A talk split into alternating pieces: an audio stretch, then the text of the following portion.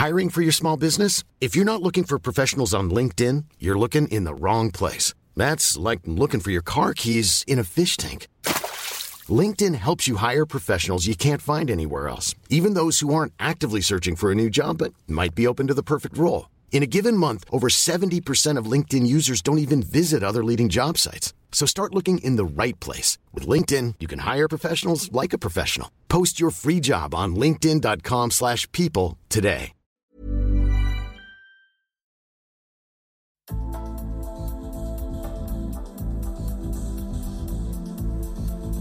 Good morning Sweden! Detta är andra delen av avsnittet med Martin Linde. Jag hoppas att du har lyssnat på första avsnittet av den här otroligt spännande historien som Martin berättar och vi får nu höra hur det gick till förra året när Martin blev drabbad av den stora branden i Kalifornien. Häng med!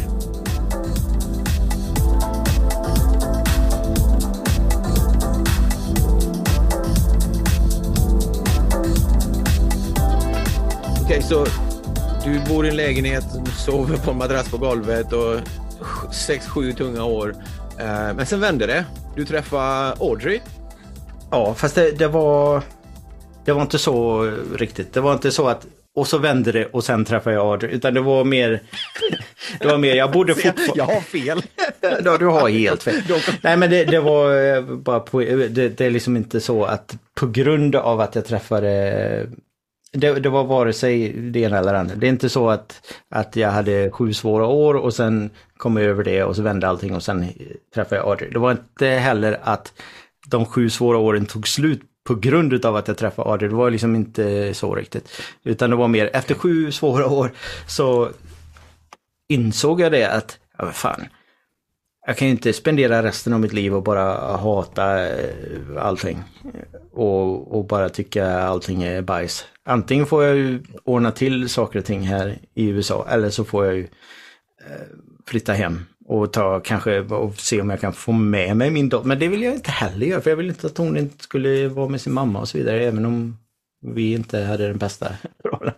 Så det, det är väldigt knepigt med det här med unga men Ja. i alla fall så kom jag till den slutsatsen att för det var också en del skulder och grejer som till slut var avbetalade. Så jag kunde i alla fall komma över ytan lite grann så jag skulle kunna typ flytta till en bättre lägenhet, kanske skaffa en säng och så vidare. Så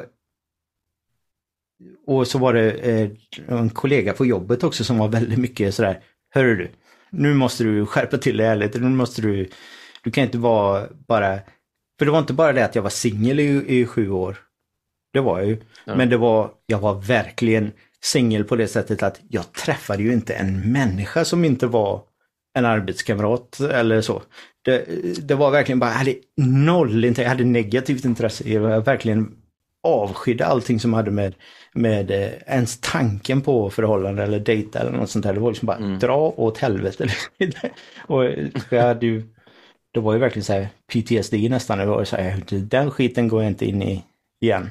I det här landet i alla fall, du vet. Ungefär så jag tänkte. Men, men så var det ju så här, men så kan man ju inte, så jag kan inte leva så resten av mitt liv heller.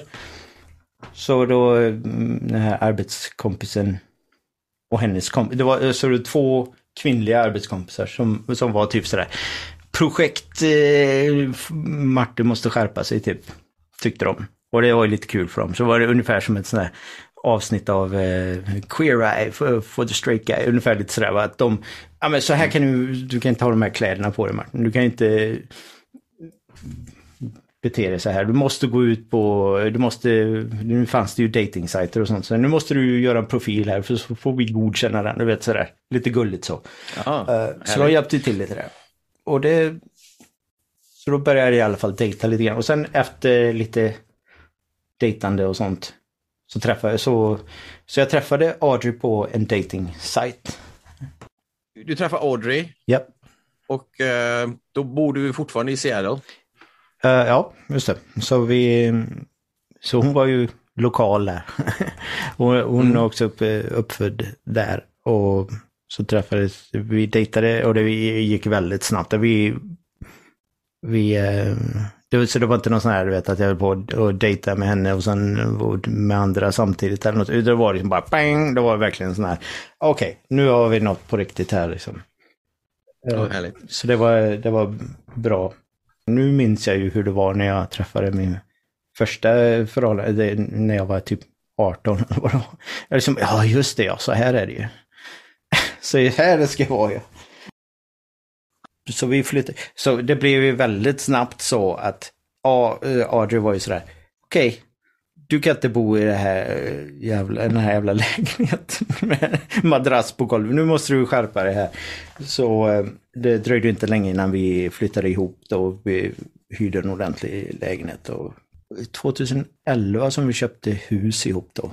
Och sen eh, nu har jag flyttat runt lite, lite olika jobb och sådär. Så att, eh, det var lite så med, med karriärsmässigt också, samma grej. Det var lite motsvarande där. Du kan ju inte ha alla madrass på golvet. Det var lite så här, du kan ju inte sitta på det här svettiga företaget och göra broschyrer för det här mixerbordet som du har gjort nu i sju mm. år i sträck. Nu måste du skärpa dig och kan du inte jobba med det här istället? Och så började jobba på en reklambyrå igen lite och sådär. Så att det, det, såg till att det blev lite ordning på både mm. karriär och hem. Eh, för min del. Och, eh, men det var inte förrän 2000, 2016, så det är inte så jävla länge sedan, som det var då jag flyttade till Kalifornien, 2016, ja, okay. så det var inte så länge sedan. Och det var en, eh, en person som jag jobbade med då på, på det här det svettiga mixerbordsföretaget. Så jobbade jag ihop med eh, i ett av de åren så jobbade jag ihop med en, eh, en kille som är marketing kille som sen försvann från det företaget ner till Kalifornien och började jobba för det företag jag nu jobbar för, Universal Audio. Och han hade liksom en sån här övertalningskampanj som började då, typ 2007 redan, eh, där det var så ja men du flyttar ner hit nu. Så, Nej, kan jag inte göra, jag har ju madrass på golvet här. Jag ju... Inte bara att slänga bort liksom. Men, eh, och det kunde jag ju inte då heller. Jag hade ju precis träffat Audrey och sådär. Det var ju mer den riktiga. Själv tänkte jag många gånger att jag skulle komma och hälsa på dig i Seattle, men så blev det ju inte. Ja, det är ju tanken som räknas va? Fast det är ju inte det. Det är ju aldrig det. Jag tror jag är inte en enda gång som det är tanken som räknas. Men både i, både i Sverige och USA så säger alla, och alla verkar helt på allvar övertygade om att det är tanken som räknas. Fastän det aldrig någon som kan ens nämna en gång som det är tanken som räknas. Nej, det ligger mycket i det faktiskt. Men vi träffades en gång här i Vegas nämligen och jag tror det var när du ja. var på väg att flytta till San Francisco. Jag tyckte det var jättekul, eller San Francisco Bay Area som jag kallar det då. Uh, men ja. jag tyckte det var jättekul att ah, nu kommer Martin närmare, nu kan jag åka och hälsa på honom. nu ska jag verkligen tänka på att... Nu ska jag verkligen köra. Det är ju bara halva, det är bara tio timmars bilresa. Typ. ja, just. Uh, och, eh, men så blev det inte så. Ehm, för att det hände någonting stort här. Tragiskt får man väl kalla det i ditt liv. Berätta, vad hände där? Ja, oväntat eh, framförallt. Det, det blev eh, vårt hus. Och vi köpte ju ett hus i vi hittade ju ett hus som var mitt uppe i bergen sådär, mm. ute i ingenstans. Det var motsvarighet till Uddebo kanske, man kan säga. Eh, fast utanför då Santa Cruz. Så det, det, finns ett område där uppe i bergen som heter Santa Cruz Mountains. Där, där det är verkligen sådär, lite Twin Peaks igen. Vi hittade ett hus som var väldigt snyggt eh, byggt och sådär. Så högt uppe på berg, liksom mitt ute i ingenstans. Vi, vi tyckte om det stället. Det var riktigt bra ställe och vi hade inga planer på att, att flytta eller köpa något nytt eller någonting. Vi, vi, vi trivdes bra där uppe, trots allt. Men att bo mm. där uppe i bergen eh, visade sig vara också väldigt, eh, väldigt farligt. För det, det, är, det är mycket överhuvudtaget här i Kalifornien så är det ju torka jämt och ständigt. Det är, det är väldigt sällan det regnar här. Det är bara på, på vintern och det är typ i tre dagar så regnar det och sen så kanske det inte regnar på mm. flera år sedan. och det hade ju varit så eh, i många år. Så det blev en, och det har ni säkert har du säkert hört talas om också, att det är ju typ varje år så är det massa bränder i, i Kalifornien på grund av det här. För det är så torrt allting och, och, mm. och sådär. Och så slår blixten ner eller något eller det är någon som, som kampar någonstans och, och startar någonting. Men det, det, det är ju, och det händer ju överallt, men här i Kalifornien så är det så jäkla svårt när det väl eh, kommer igång att få kontroll på det. Så det, det var en sån här stormig åsknatt liksom, där alla var uppe. För det var så eh, otroligt eh, jag, aldrig varit, jag bodde ju i Tampa i Florida där det är åska varje dag liksom. Väl, så, men det var ändå den största åskan jag någonsin har sett. Det var väckte alla, så jag trodde ju det var jordbävning eller någonting. Så vi gick ut, som alla andra gjorde, vi gick ut typ tre på natten och bara kolla upp för det, hela himlen var liksom så här, du vet så det blixtrar emellan molnen och upp och ner och ner ja. överallt så här. Så det var verkligen så här, wow! Och i flera dagar efter det så var ju folk bara så här, did you see, oh my god, so cool! Men det var ingen som riktigt fattade att vad som hände den natten startade ju en, en, eh, en brand som ingen eh, fattade att det skulle... Det var så här, ja, jag hörde att det började brinna lite så här, ja, ja. Jag hörde att det började brinna där på andra sidan också, ja. Ja, och där borta på andra sidan, ja. Det, så vi var ju liksom omringade, så tänker jag att vi är uppe på en berg där det bara är de här stora redwood-träden, så det, det är så jättestor skog som mm. är uppe, ända upp i bergen så är det den här skogen. Och så är det kruttorrt och det har inte regnat på evigheter. Och så har det börjat brinna liksom överallt i en cirkel runt hela det här området. Så har det börjat små bränder liksom. Dun, dun, dun, Om man nu hade ja. tänkt lite grann och kollat på kartan och ser det så här så hade man ju fattat med en gång att shit, vi kommer ju bränna ner här. Det kommer ju bara, hela det här området kommer ju, det finns inte en chans i världen att de får kontroll på den här, på de här bränderna. Ja. Och det fick de inte heller. Så det var, det blev sådär att man... Eh, alla fortsatte, det var liksom så här, ja, jag ska åka till jobbet. Jävlar vad mycket rök det är överallt. Eh, solen är bara någon slags en gul lampa någonstans. Mm. Man kan, jag kan stirra rätt in i, i, solen här och det är inga problem. Det var väldigt märklig stämning. Och sista dagen där när det verkligen allt gick åt helvete, då var det sådär, kom jag, jag jobbade den dagen så jag var nere på kontoret, skulle, jag åkte motorcykel och, och skulle då åka hem. Och det, det hade varit så här rökigt så i flera dagar. Man har ju hört de här bränderna att det började ta fart och sådär. Men det var här, man hade ändå inte riktigt tagit det ordentligt på allvar. Så här. Och så skulle jag åka hem och så ser jag när jag kommer ut och går till motorcykeln. Det, det, är väldigt rökigt men det är också så här, kommer stora flak med aska som bara flyger omkring överallt. Liksom så här. Och det var när jag började se att det var några sådana här eh, askflak eller vad man ska säga som flyger omkring som hade lite glöd på sig. Så här. Nej men vad fan är det som händer? Så här, det är ju inte normalt liksom. Ja, så jag hoppade på och så körde hem och det är väldigt mycket, mycket mer trafik än, än normalt. Fast alla åkte åt andra hållet. Ah. Shit, vad fan är det som händer? När jag började komma upp då på, på bergvägarna då, de här skogsvägarna som det blev ju mer och mer så, så det var liksom så här, det var, så här, åh jädrar, alla sticker. Och när jag kom hem så eh, då, då såg jag det, då Audrey höll ju på att packa bilen redan. Så här, det hade varit en sån här officiell evakuering som hade precis hänt då som jag eh, inte hade hört för jag var på motorcykel. Ja. Men eh, så vi packade ihop allting. Ja, men vart ska vi ta vägen och sådär. Så, ja, och alla, vi har, vi har en hund och fyra katter liksom. Så här, ska vi, och hunden är en sån här till råga på allt liksom en, en, hund som är, inte kan tolerera andra hundar. Så det var liksom så här, vi kan inte bara, ja men vi åker hem till en kompis liksom och, som också har hund och så, nej det kan vi inte för att... typ, ja, fan vad jobbigt. Alltså det var sådär, uh, och vi hade bara en bil och min motorcykel vid det här laget. Så det var också sådär, vi fick inte plats så mycket i bilen. Vi kan inte få in fyra katter och en hund och Alex då, min son och Audrey och så kan jag ta motorcykeln. Så det, det var, nej det här kommer inte funka, vi måste ju, vi får inte plats med det helt enkelt. Så då eh, hörde jag att, eller vi, vi kollade runt med grannar som också höll på att evakuera. Liksom. Och då var det en av våra grannar som, som var typ några kvarter bort. Vi hade ju inga nära grannar. Så det var ingen som hade där uppe. Men eh, de hade en motsatt situation där de hade, vi har ju tre bilar men vi kan bara köra två. Ah, okej. Okay och sådär. Så då var det liksom, ja men då kör jag upp dit med motorcykeln och så lämnar jag motorcykeln i deras garage och så lånar jag deras bil, tack tack, ja bra. Och så packade vi upp den bilen med eh, andra grejer och några av katterna och så vidare. Mm. Det så, låter som du var väldigt lugn när detta hände. Fick ja, du aldrig, men, fick du aldrig panik? Det, nej, det var ju inte, för det var ju sådär bara, jaha, nu tycker brandkåren att, att vi ska evakuera bara för säkerhets skull, typ. Så det, för det är så jävla rökigt. Ja, det var så jag tänkte. Det var mest så här. det här kan ju inte vara nyttigt att vi är i det här rökiga, vi måste evakuera på den anledningen. Och det var mest så som de flesta mm. tänkte. Det, var, det, var, det är bara giftigt att andas det här.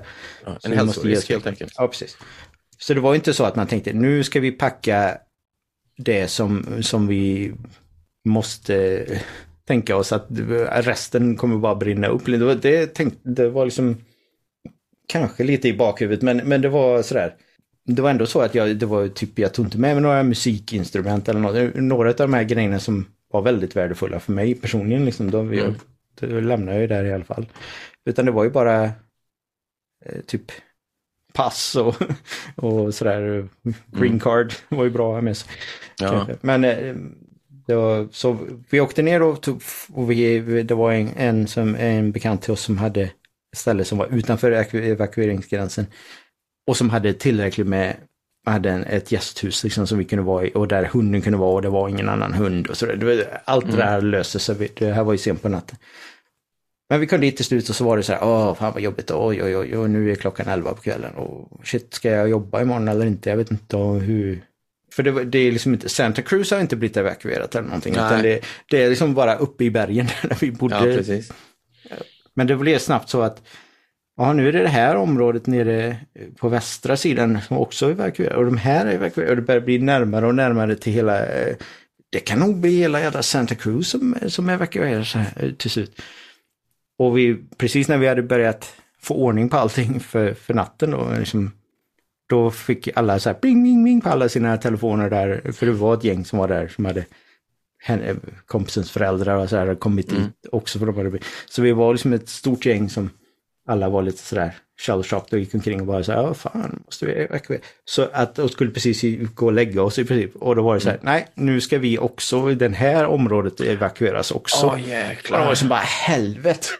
Vi har precis fått ordning på alla katterna som har skitit ner sig i sina burar och du vet, ja. hela den kaos. Och så bara, ja vad fan ska vi nu då? nu, det känns ju som att det här är, en, vi måste härifrån liksom mer rejält härifrån. Liksom, ja. Åka ut någonstans. Så då bokade vi några ställen som var österut. Det var typ halvvägs till eh, Lake Tahoe. I princip mellan ja. San Francisco kan vi kalla San Francisco Amen. och eh, mm. Lake Tahoe. Lång jävla, så det var typ fyra år, äh, fyra år, inte så långt, men fyra timmar, så fyra, fem timmar fick vi nog åka dem mitt i natten med alla de här två bilarna igen och då vi fick låna mm. grannens bil för. Men det var så, så vi kom till slut istället, då var det nu fem på morgonen eller sånt där. Och så bara några timmar. Sen så fick vi samtal då den, bara några timmar senare, den morgonen efter, från en av våra grannar som hade, som en sån där motocrossinstruktör. Okay. Som eh, också bodde där uppe mitt i ingenstans då. Och han hade ju bara av ren nyfikenhet, för det hade ju brunnit då, hade vi hört. Att det, det var ju väldigt det var ju bra anledning till att evakuera. Men vi visste ju inte hur det hade gått med det. Och han var nyfiken nog att han körde ju förbi alla de här barrikaderna och grejer på sin jävla motocross upp för ja. att kolla sitt eget hus då. och det hade han gjort och så hade han skickat meddelanden till folk, inklusive oss då, att på vägen upp. Till, så han kör alltså, det här är verkligen som, som en actionfilm, alltså att han kör i lågorna så här. För det brinner ju fortfarande. Ja. Och han lyckas då komma upp i det området. Helt vansinnigt. Och, men då hade han sagt då till oss, han sa att han sa att han hade tittat upp då på, på den här sluttningen här på berget där vårt mm. hus är. Och han hade sett att det var ingenting där. Oh. det var liksom bara, vad menar du med det? Liksom. Nej men det alltså var inget där. Och det får du i textmeddelande där på morgonen? Ja, då, på att... den morgonen. Så, mm. så då, och så eh, fick vi lite annan information och sådär och, och till slut fick vi ja det, alltså huset har brunnit ner alltså, det, det är borta liksom hela, inte det att det är lite brännskador eller något, eller, utan huset är borta liksom, det finns ingenting. Alltså, bara väck. Man fattade ju inte riktigt med en gång vad som hände. Om ni går in och tittar på eh, goodmorningsweden.com så eh, ska jag lägga upp bilder på hur Martins fina hus, hur det såg ut före branden och vad som var kvar efteråt. Det är en ganska eh, tuff syn. Hur kändes det Martin, eh, när man vaknade upp där med textmeddelandet att ditt hus är borta? Ja, men det, det det var, kändes inte så mycket då, för man fattar ju liksom inte. Det, det blev liksom bara sådär, jaha, ja då måste man väl anmäla det till hemförsäkring. Ja, gör du det då så, så går jag ner och... Det, du vet, man kommer in i en slags sån här mode där, där man bara... Eh, okej, okay, och så måste vi göra det här och så måste vi göra det här.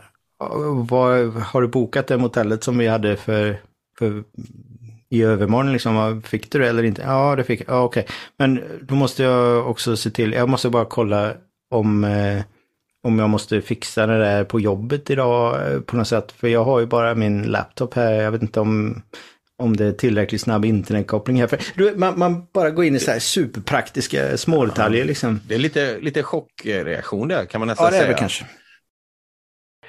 När du sen kom tillbaka till huset, berätta hur kändes det när du gick upp till det som en gång var ditt hus? Det var rätt länge efter det. det var, vi kom ju tillbaks det ju väldigt krångligt för vi var ju tvungna att hitta någon slags temporärt ställe. Där vi bor nu fortfarande, min, några veckor till, hade vi hittat till slut. Men det, det tog ju nästan tre veckor tror jag. Som, så det var typ tre veckor som vi bara körde omkring från så här bed and breakfast ställen hoppade från ställe till ställe för det var liksom sådär, ja vi kan ta hundar och katter men bara de här två dagarna och så här så vi var tvungna att pussla ihop det. Jävligt jobbigt. Mm. Men eh, så det var inte förrän kanske en månad senare eller något sånt där som vi kom tillbaks och, och det var också en lång period som man, även om vi hade varit där, så fick man inte komma upp där för de ja, höll ju på fortfarande. Men den branden höll ju på rätt länge alltså. Det var väl den största branden i historien i Kalifornien va? Ja, i det området i alla fall. I det området var det absolut, för det hade ju inte brunnit på det sättet på hundra år liksom. Ja, I, i, I, den skogen där uppe i bergen. Där. Ja, du har, det låter som du har gått igenom eh, lite tuffa saker. Nu idag så har du eh, bestämt för att flytta tillbaka till Seattle, förstår jag? Ja, planen var att vi skulle antingen bygga något nytt då på, på tomten som vi äger fortfarande. Eller så att vi skulle hitta något annat hus, motsvarande hus. Men det visade sig vara en riktigt komplicerad historia med hur eh, hemförsäkringen, hur, hur mycket det täcker. Och det, det är en slags balansgång där att om man köper någonting nytt eller bygger något nytt så måste det vara tillräckligt motsvarande det som, som brann upp. Men det är ändå hemförsäkringen som bestämmer hur man hur man mäter det. Va? Så, att, mm. så det blev så skumt att, att vi kunde liksom inte hitta någonting som där våran försäkring så som den var uppsatt, liksom att, att vi kunde hitta, för här är det ju mest tomten som kostar någonting, så vi kunde mm. ju hitta något som motsvarande var vad det kostar, liksom vad det skulle kosta att köpa vårat hus plus tomt mm. innan branden. Då. då kunde vi kanske hitta det här, men huset i sig vilket var det enda som försäkringsbolaget kollade på, så är det så ja men det här är ju, det är ju bara två och ett halvt rum och kök istället för tre och ett halvt rum och kök, eller vad det nu var. Eh, och det var ju för att, ja men vårat hus var hyfsat stort och sådär, och modernt och sådär, men det var ju mitt uppe i, i ingenstans, uppe i bergen. Det var ju därför vi kunde köpa det där, och det var ändå dyrt där, och mest tomten vi betalade för ändå. Mm. Och om det är då inte tillräckligt motsvarande, då sa då var hemförsäkringsregeln bara att ja men då får du inte mer än kanske 50 procent utav vad du hade, vad din försäkring var satt till.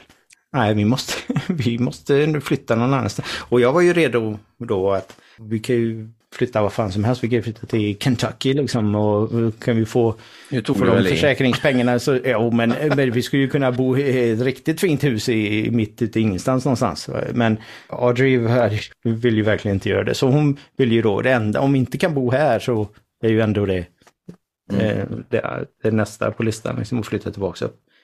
Ja, så vi, precis, vi flyttar om ett par veckor tillbaks upp för vi köpte ett hus där uppe som vi kunde hitta som var precis i den här Goldilocks-situationen där det var lite ironiskt, men det är nästan fyra hus över, så det är typ nästa kvarter till där vi bodde innan vi flyttade till Okej. Okay. Men då känns det lite som att du, du har hittat eh, en bra tillvaro igen framöver, eller hur ser du på framtiden nu? Eh, ja, jag, jag, är inte speciellt glad. Jag fick ju gå till mitt jobb då, till, min, till mina chefer och säga liksom Hej Schweiz, det var ju kul att jag flyttade ner hit och för att, bara för att jobba för er. Och det har jag gjort nu i fem år. Och nu brann mitt hus ner. Ja, jag har försökt hitta, det är för dyrt att bygga något nytt. Det är för, för dyrt eller för konstigt eller försäkringsgrejer att hitta något motsvarande. Jag, jag, jag måste flytta ut ur Kalifornien liksom. Men jag vill väldigt gärna jobba vidare. Ja. och så då blir det så här, åh, och så hade de precis lagt in, en- för, på grund av pandemin då så var det ju många som sådär, ja men jag, nu vill jag flytta hem till mina föräldrar i, i, i Phoenix. Eller, och så kan jag jobba hemifrån, vi jobbar ju ändå hemifrån allihopa, kan jag jobba hemifrån från från eh, det ena och den andra staten och det liksom, de fick ju panik hela företaget och sa bara nej, ingen får flytta någonstans. Oj då. Så jag kom ju, och då, så jag var ju verkligen i den här um, limbo-situationen där det var så här, shit, jag måste flytta. Och jag vet att de har bestämt att ingen får flytta. Men mitt hus brann ner. Leo. Jag vet, inte, det, det, så här, kan jag få dispens snälla? Och det var liksom verkligen så här. "Uh, ja, det får du väl då. Det var verkligen så där, Ja. inte alls säkert. Liksom. Och Så det var verkligen eh, sådär, och då visste jag inte. För om de inte hade sagt ja till det, då hade jag ju inte kunnat köpa huset i Seattle som jag var på, på väg och nästan hade signerat. Eh, Då Ja, var det verkligen så här precis. frifall liksom. Åh, fan, jag hoppas att det löser sig. Ja. Men det gjorde det ju. ja, härligt. Det får man ju vara tacksam för. Men eh, vilken traumatisk händelse liksom att förlora hus och sen riskera att förlora jobb och inte, Ja, inte få något precis. nytt hus. Och... Men har, Och värst av allt, jobba hemifrån garanterat även när pandemin är slut. När alla andra kommer tillbaks till, till byggnaden och kommer att ha jättekul ihop så kommer jag fortfarande sitta på jävla Zoom-samtal. Bara, "Ja, hatar den skiten. Ja. Det, det är inte alls kul. ja, hur ser du på framtiden nu då? Um, det blir lite tufft innan du blir van vid det, men um, är det något, ser Ja, du någon jag- ljusning? Jag måste ju vara lite arg först. Att jag måste flytta tillbaks. Så kommer jag vara lite arg i några månader och sen kommer jag glömma. Så kommer det bli bra igen. Ja, det är rätt. Man måste få visa lite känslor. Och jag spelar, jag spelar fotboll med ett gäng som är typ sådär våran ålder, 39.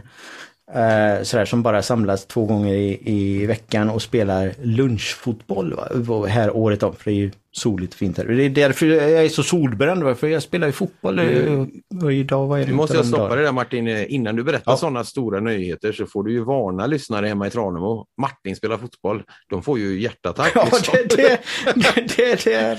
Det du rätt i.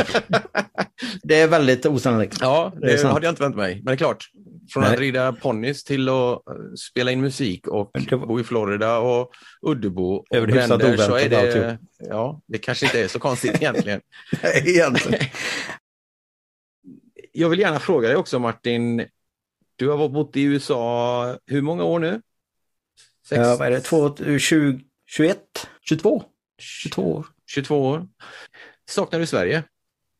Jag saknar många personer i Sverige, familj och kompisar och så vidare. Som jag har, jag har ju lite kontakt med, men jag åker ju inte tillbaka till Sverige speciellt ofta. Rent praktiskt. Jag hatar att flyga först och främst. Jag har liksom så här riktig flygfobi liksom. Okej. Så det, det är verkligen, att, när jag träffade dig i Vegas, det var verkligen så här, typ två års övertalningskampanj från Audrey att få mig att hoppa på ett flygplan överhuvudtaget. Liksom. Okej.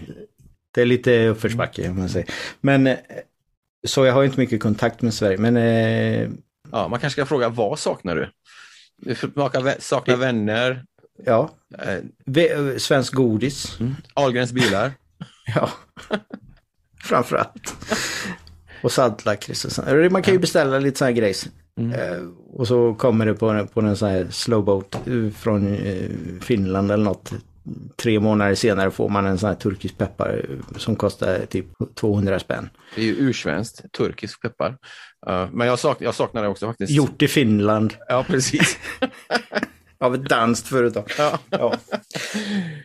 Nej, men det, det är mest eh, personer och sen eh, ja, mat kan man väl säga. Efterrätter och, och, och sådär, du vet. Ja. Det är, det är inte samma grej här. Alltså tårtor och sådana här grejer, det är bara skit här liksom. Det är Ja. verkligen, använd riktig vispgrädde någon gång. och chokladen är kass, den här jädra Ja. Nestlé. Men godis är viktigt. Det, det känns liksom så här, oh, det kan jag nästan ha lite sorg över ibland. Liksom. Fan, gott och blandat. Eller bara, bara sådana här små grejer liksom som, eller och gla, GB-glass. eh, Jävla Piggelin var jävla gott liksom. Ja. Du är gift med en amerikanska nu då. Gör du någonting för att behålla dina svenska traditioner? Nej. Eh, jag gjorde nog aldrig någonting för att behålla mina svenska traditioner när jag var i Sverige heller. jag är inte traditionsperson överhuvudtaget. Jag, om det var upp till mig så hade det nog aldrig haft några, några, köpt några julklappar eller haft några födelsedagspresenter eller någon, något sånt. Jag tycker det är så otroligt fånigt, allt det där. Ska vi låtsas att det här är en speciell dag? För att det var ett år sedan som det hände samma grej. Tror du att du flyttar tillbaka till Sverige någon gång? Ja du, jag vet inte vad... Det skulle väl... Nej, jag... Det finns inget sug för det så? Eh, jo, det finns det väl, men, men eh, jag har ju familj här som sagt som inte har något intresse det. Jag, jag kan inte tänka mig att liksom sådär, ens när Alex är, är, är vuxen och han skiter i allting och det är inte så att nu Audrey kan vi äntligen flytta till Sverige. Ett land som du nästan aldrig har varit i och som du skiter fullständigt i. Och inte har några kompisar eller släktingar i. Okej. Okay. det, det, skulle ju vara i så fall om, om Alex är vuxen, båda mina barn är vuxna och Audrey har försvunnit iväg någonstans, skilt sig eller något och jag bara, ja men nu skiter jag i allting och flyttar hem. Mm. Det hade jag nog gjort då. Mm. Men det får man ju hoppas att det inte händer. Ja man kan ju tro annars att det finns ett litet sug att flytta hem till trygga Sverige när man har gått igenom äh, bränder och äh, tomma lägenheter. Universum har ju försökt och, att... ja, äh, sådär. Men du kämpar Men på. Det, det är ju lite överdrivet. Jag menar, det har ju varit mycket, mycket bra här också. Ja. Det, det, är väl de grejerna som liksom rubrikerna som har hänt sedan jag flyttade hit. Men det, det är också mycket bra vad är det bästa med USA tycker du som uh, du har i ditt liv idag som du aldrig hade haft i Sverige? Pengar. Uh, man kan ju faktiskt tjäna rätt bra med pengar här utan att man är någon slags att man, man behöver inte vara kungen liksom eller, eller Ingvar Kamprad eller något sånt. Man kan ju ha en hel del pengar här och vara helt anonym ändå.